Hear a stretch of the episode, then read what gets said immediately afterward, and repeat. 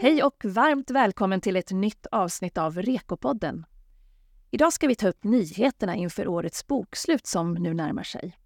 Och en som verkligen kan detta ämne är Marcus Johansson som är redovisningsspecialist på Aspia. Välkommen till Rekopodden, Marcus. Tack så mycket, Pernilla. Och jag har också med mig Camilla Karlsson som är auktoriserad redovisningskonsult på FAR. Varmt välkommen du också. Tack. Och jag heter Pernilla Halling och är kommunikationschef på FAR. Och den här podden spelades in den måndagen den 11 december. Det kan vara bra att känna till. Marcus, jag tänkte börja med att fråga dig, vilka är då de stora nyheterna inför bokslutet 2023? Ja, redovisningsmässigt så är det inte jättemycket stora nyheter. Där vill jag passa på att slå ett slag för KPMGs skrift eh, som brukar komma ut så här års och kom ut för någon vecka sedan där man går igenom alla nyheterna. Eh, och det är inte jättemycket nyheter ska jag vilja säga. Eh, och eh, däremot så är det väldigt mycket på gång.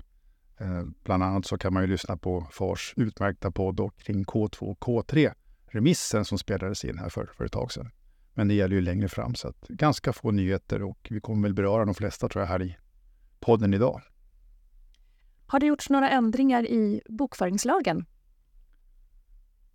Eh, nej, eh, faktiskt inte. Bokföringslagen är fortfarande vår gamla hederliga bokföringslag från 1900-talet, brukar jag säga. Eh, så att eh, de förändringar som vi trodde skulle komma har inte kommit än. Det vill säga fortfarande så gäller ju att vi ska spara originalen i, i tre år och få slänga det fjärde om det är ett papper. Och, men vi måste givetvis arkivera allting i sju år. Men får vi papper så kan man slänga det det fjärde året så länge man har så att säga kanske skannat in och så vidare. Och eh, många tror ju att det som förslaget som kom fortfarande, att det gäller, men det är fortfarande gamla regler. Så att eh, gissningsvis, det känns snarare som att tekniken kommer att lösa frågan åt oss, det vill säga snart finns det inte något papper kvar utan alla får digitalt och då, då har det liksom löst sig automatiskt eh, kring den frågan. En annan fråga som är uppe som, som jag hoppas mycket på, det är väl eh, att man får till det här med en form av certifiering av redovisningssystem, ett bokföringssystem kring hur man kan ändra och inte ändra i dem som fortfarande är, tycker jag, en rättighetsfråga som jag tycker är viktig. Och om vi går över till årsredovisningslagen då, har det gjorts några ändringar i den?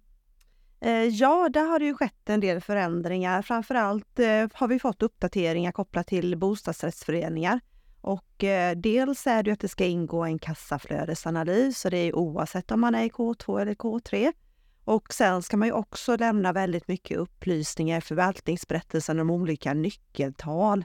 Det är allt ifrån årsavgift per kvadratmeter, skuldsättningsgrad per kvadratmeter, sparade per kvadratmeter, räntekänslighet och energikostnad per kvadratmeter. Men man ska också lämna upplysningar om vad det innebär om man har förlust i bostadsrättsföreningen. Eh, så att här är en hel del förändringar på gång och eh, här väntar vi faktiskt på Bokföringsnämndens vägledning där. Har du hört något mer om den, Marcus? Ja, inte annat än att de såklart på kansliet fokuserar på att få fram den i och med att den så att säga gäller ju nu. Så den behöver ju komma fram här innan årsskiftet så att bolagen, eller brf ska veta hur de ska hantera sin, sin årsredovisning. Då. Så att det är det jag vet. Och där vet vi ju i det remissförslaget att där kommer man få hjälp med beräkningar just det här. Vad är en kvadratmeter och vad är ett sparande? För där kanske vi har lite olika syn. Ja, precis. Hur mycket, vad är en kvadratmeter kan man ha olika syn på. Ja, men jag förstår vad du menar. Nej, men det finns, man kan alltid tolka saker och ting, så det är väl bra. Ja. ja och, um, men när vi ändå är inne på årsredovisningslagen så tänker jag att vi måste ändå eh, kommentera det här, tycker jag, med koncerndefinitionen som, som ligger i liksom, i pipen. Eh, frågan är om den, om den kommer eller inte, men förhoppningsvis blir det väl en förändrad koncerndefinition. Eh, och det var ju den SUM som kom förra året, 2022, där man pratade om att man ville anpassa eh, vår koncerndefinition till alltså, stöd på övriga världen, i vart fall IFRS och våra nordiska länder, eh, där vi nu har en, så att säga, en ganska föråldrad koncerndefinition i Sverige som bygger på ägande, när man vill, i alla fall förslaget att man ska ändra till att bara prata om då bestämmande inflytande. Eh, så att har man kontroll, bestämmande inflytande. Så att man tar bort kravet på ägarandel och ehm, ja, i bästa fall då får en mera internationell koncerndefinition då, när man ska konsolidera. Så att eh, vi får se vad som händer. Och när kan man få förvänta sig att få, veta, få svar på den frågan? Ja, vi får väl fråga regering och riksdag när de har tid med detta. Det känns som att man har större problem än det här just nu tror jag. Eh, så att jag brukar säga att någonstans, den här koncerndefinitionen ligger precis ovanför förändringar i bokföringslagen i någons arkiv någonstans. Så vi får väl se när det händer. För kanske 25, vem vet? 24? I don't know. Ja. Typiskt sådana frågor som du brinner om, både koncern och bokföringslag. Exakt, det är ingen som tycker de är roliga. Jättetråkigt. Ja. Ja, eh, har det skett några uppdateringar i redarätten då? Jag har lite små uppdateringar. Jag tänkte vi kan bara påminna oss om det vi pratade om eh, förra året, eh, som också framgår tydligt i, i KPMG-skrift, där, där eh, ja, jag kallar det för policygruppen. Det heter ju inte det numera, men jag tror att alla vet vad man menar. FARs operativa grupp för finansiell rapportering, redovisning. Hela poddsändningen tar slut när man säger ett sånt långt namn. Eh, dels pratar vi om vinstdispositionen eh, och eh, konstaterade att, att rent legalt så är det egentligen Eh, det som balansräkningen presenterar som balanserat resultat, årets resultat, som ska vara med. Eh, och fria fonder behöver man bara ta med om man föreslår en minskning. Då. Eh, så det var det vi pratade om förra året. Sen tycker ju då FAR, får man säga, att det är bra om man har en så att säga, bruttoredovisning och har med allt, allt fritt kapital i dispositionen för att man ska vara tydlig. Då, men det är liksom inget krav. Och vi förtydligade också förra året här med, med den fria fonden som är då en fond för verkligt värde. Det är en fri fond att om man använder den för vinstutdelning så ska man ändå inte minska den utan man ska minska balanserat resultat, vilket som tycker lite konstigt, men det är så det är formulerat i, i lagen. Då. Och sen förra året så pratade vi också om det här med kapitalförsäkringar, att de kan få redovisas under rubriken andra långfristiga fordringar. Då. Så det var väl det som kom 2023. Eh, det som är på gång nu kan man säga är väl egentligen några smärre justeringar, förtydliganden kring den här eh, det som vi gjort ett förtydligande förra året kring hur vi skulle hantera eh, vår preliminärskatt och den redovisningen som, som blev eh, eh som upp, eh, varit svår att, tolka eh, och då har vi försökt förtydliga det ytterligare en gång för att se om vi lyckas. Det är väl det ena. Sen har vi stuvat om i avsnittet om pågående uppdrag där allting egentligen stod, men det var lite rörigt skrivet, om man får säga så. Så nu har vi försökt dela upp det och säga att först börjar vi med huvudregeln för pågående uppdrag till fast pris och så går man då igenom um, alltså, huvudregeln, det vill säga successiv vinstavräkning för fast pris och så finns det alternativregeln som man kan använda för juridisk person, det vill säga färdigställandegraden. Då. Sen har man hanterat då pågående arbeten till fast pris, så går vi igenom löpande räkning, hur man hanterar det. Då mest bara stuvat om det lite grann i, i den i skriften. Och eh, som vi sa där är att vi hade ett antal förslag som vi skulle ändra, men vi tänkte vi avvaktar K3-uppdateringen så att det inte blir för mycket liksom bara ändringar nu och sen ska vi ändra tillbaks nästa år. Utan nu avvaktar vi och ser vad, vad, vad Bokföringsnämnden säger om K3 så får vi se, kommer vi igen med kraft nästa år istället då. Jag tänkte där bara, Marcus, ska vi förtydliga vad Rädda Rättan är? Och jag menar, du är ju aktiv i Fors gruppering där också, så att eh, du gör ett grymt viktigt arbete. Ja, alltså, ja Rädda är egentligen Fors eh, skrift kring hur vi tycker att man ska upprätta en K3-årsredovisning egentligen, där vi går igenom alla delar. Så det är väl en hjälp då kan man säga för, för alla våra medlemmar där ute hur man ska göra en K3-årsredovisning. För att, och det brukar vara ganska handfast. Ibland när man är handfast, ungefär som den här preliminärskatten, så blir det liksom, och så missförstås det ändå. Eh, och då försöker vi såklart förtydliga så att alla ska verkligen förstå vad vi menar. Så. Men den är ju grymt bra tycker jag. Det är mycket, mycket bra vägledning och stöd. Ja, ja det finns ju mycket vägledning och stöd, absolut. Eh, så att, och den försöker vi hela tiden jobba med. Så det blir ett aktivt arbete i, i den grupperingen då inom FAR. Um, ett område som vi har diskuterat som vi inte har ändrat än i vart fall, det är den här um, skrivningen som olyckligtvis skulle jag säga, det blev en ändring i, i, uh, i årsredovisningslagen som liksom, egentligen finns inga förarbeten på det alls, utan det blev bara en ändring som ingen egentligen fattar varför det blev en ändring. Eh, men nu är det ändrat och det har att göra med vilken information man ska lämna om sina dotterföretag. Eh, där man nu, om man läser lagen, så ska man också lämna information om sina indirekta innehav. Eh, och så har det inte varit tidigare, men nu är lagen formulerad så utan någon kommentar till varför man ändrar, vilket är konstigt. Och det innebär då att om man ska vara säker på att undvika kritik ska man då med andra ord ta med en lista över alla sina indirekta innehav. Vilket då kan tyckas rimma ganska konstigt med att man ska göra över, det ska vara översiktligt, överskådligt etc. etc. Och här ska man då bifoga, om man har många indirekta innehav, flera sidor med namn på bolag som, ja, jag tycker att det är konstigt. Men så är lagen formulerad just nu i vart fall. Det har ju varit ett år med hög inflation och stigande räntor. På vilket sätt påverkar det ni, eh, bokslutsarbetet?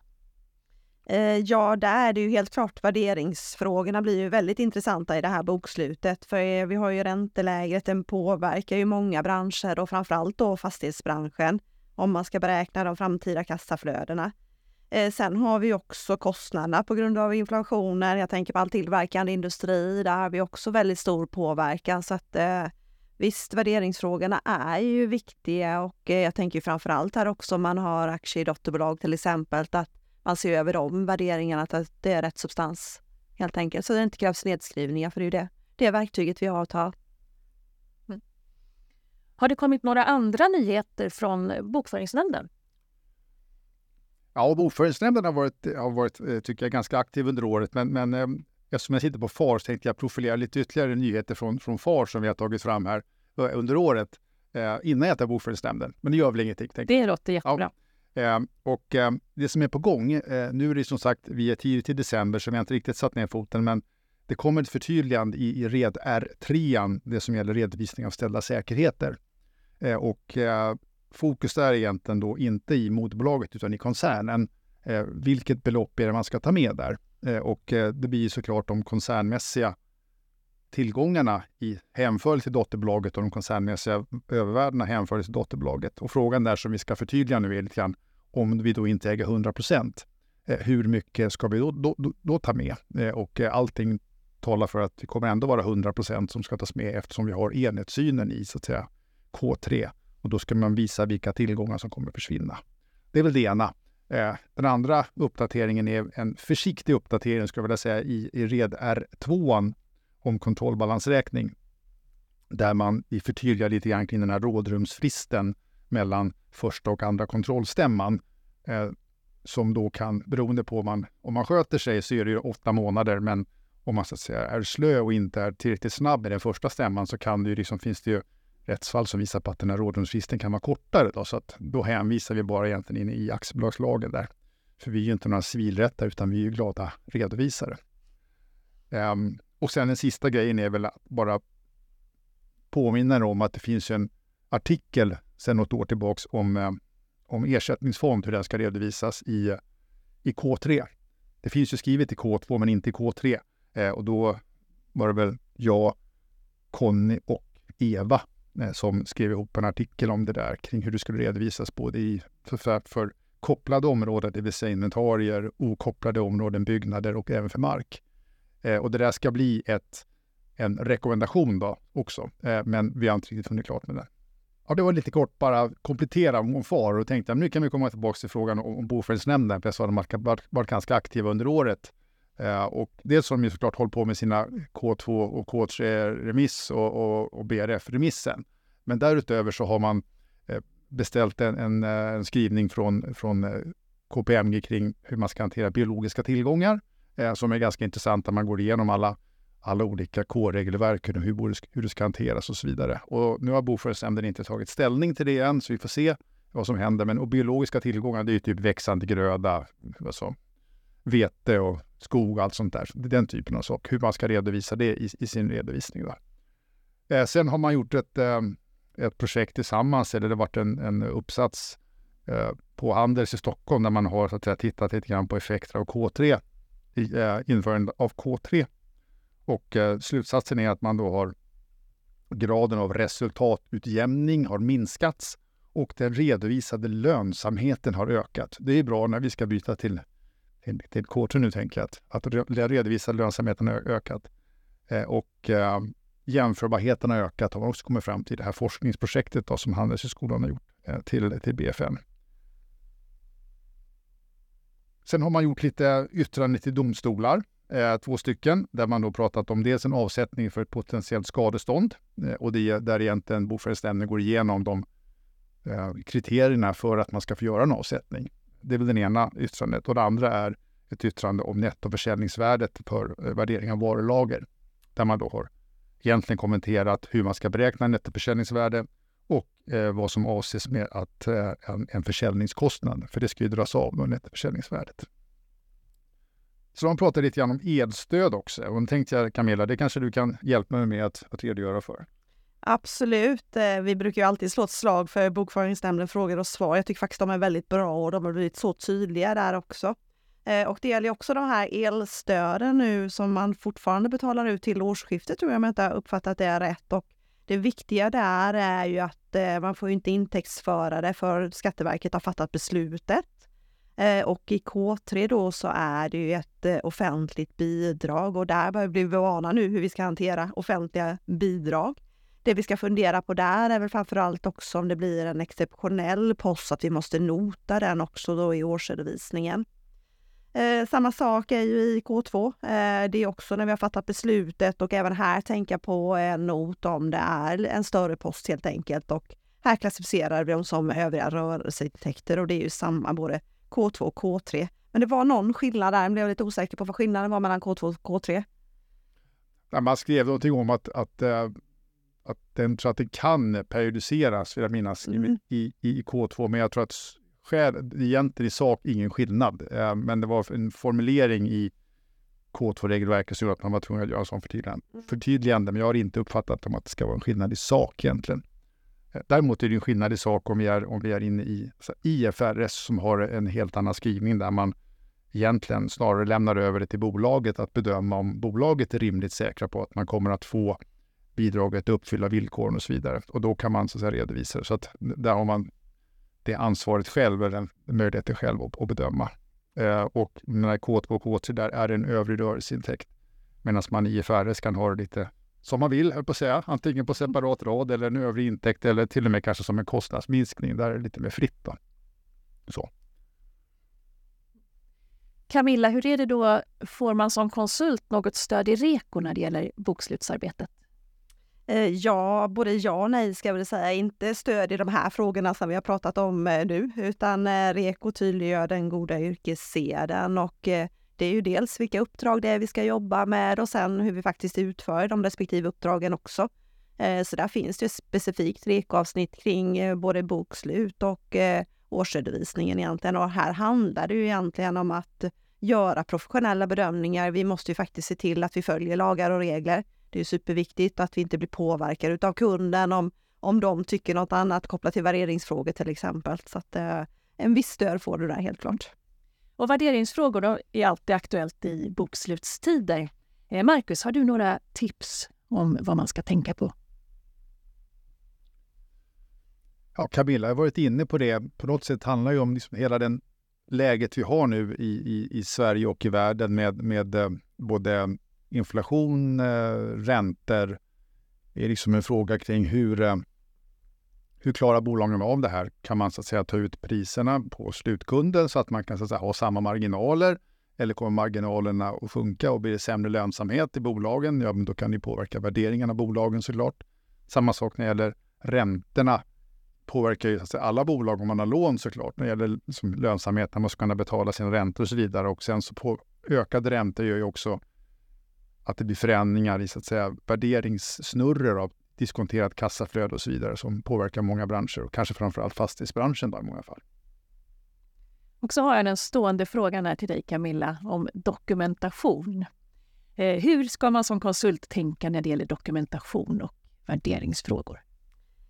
Ja, det här är ju viktigt och framförallt eh, ska man ju dokumentera de ställningstaganden som kunden har kommit fram till och vilket resonemang man har haft med kunden. För det är faktiskt kundens beslut och eh, det är ju det vi ska dokumentera. Och framförallt här kan jag tänka mig att det blir mycket diskussioner, att man kanske har olika uppfattningar och eh, här vill det till att stå på sig helt enkelt. Så att viktigt med dokumentation, det kommer alltid med i Rekopodden. Mm, precis. Hållbarhet är också någonting som vi ofta pratar om här i Rekopodden och i KPMGs skrift Nyheter inför bokslutet som, som du pratade om Marcus och som finns på tidningen balans.se eh, så framgår det att hållbarhet blir allt mer aktuellt för alla. Och eh, då tänkte jag höra med dig Camilla, på vilket sätt berör det redovisningskonsulter? Ja, framför allt så tycker jag ju nu i de här bokslutstiderna att det är väldigt viktigt att lyfta de här frågorna med kunden och börja resonera kring den om man faktiskt har funderat på att eh, börja hållbarhetsredovisa. Eh, för ni konsulter har ju faktiskt en unik kunskap om kunderna och deras verksamhet. Så att här dra nytta av de här, er kunskap och eh, resonera kring hållbarhet och se vad, vad, vad påverkar det er kund och man ska ju tänka på de här olika dimensionerna som vi har. Vi har den ekonomiska, den sociala och den miljöaspekten och alla dimensionerna är ju lika viktiga men framför allt den ekonomiska hållbarheten den har ni ju faktiskt järnkoll på i eh, det här läget. Så att eh, ja, tänk på det och börja fundera. Lyft frågan med kunderna. Är det dags att eh, lämna en frivillig rapportering? För jag menar, sen vet vi att den lagstadgade hållbarhetsrapporteringen, den träffar ju de större företagen, men sen trattar det självklart ner även till de mindre företagen med frågor, det märker vi också. Så att, ja, glöm inte den konsultdelen heller, helt klart. Och har ni då några avslutande tips? Marcus och Camilla, vem hugger den frågan? Då hugger jag den först. Mm. Eh, och det tycker jag att det som sagt, det är inte så mycket nyheter nu, men jag tycker det är bra att redan nu börja förbereda era kunder på att det kommer hända någonting under 2024 när det gäller K2 och K3 och, och många företag kommer ju ha förmånen att då få tillämpa K3, eller man kan tycka att de tvingas över till, till K3 och att redan nu börja prata med kunderna och fundera på hur påverkar det dem? Eh, vilken typ av konvertering ska göras och så vidare. Det tycker jag är, är viktigt. Och, eh, en tröst om man tycker det är jobbigt i bedrövelsen då är väl att eh, vi har ju den här forskarrapporten från Handel som sa att den redovisningsmässiga lönsamheten ökar i K3. Och det är väl ett bra argument att ta till kunderna då. Fyser till med studier på det nu, så det är bra. Den är ju klockren. Ja, jag tycker också det. Det är verkligen. Eh, men jag tänker, jag vill tipsa lite, som jag sa innan, om Bokföringsnämndens hemsida. Eh, där kommer ni faktiskt hitta även, det finns ju idag alla remissvaren och det är där man kommer det slutliga sen också. Eh, Rädda rättan har vi nämnt. Jättebra vägledning i bokslutstider när man ska göra K3. Eh, jättebra att hålla den i handen helt enkelt och eh, Sen den här som jag pratat om med KPMGs inför bokslutet som finns på, på balans, den är också jättebra. Då får man en bra summering. Vad är det som har hänt i år? Och de tipsen får avsluta den här podden. Stort tack Marcus och Camilla för att eh, ni kom hit och delade med er av er kunskap och insikter. Tack, tack. Tack. Och tack du som har lyssnat.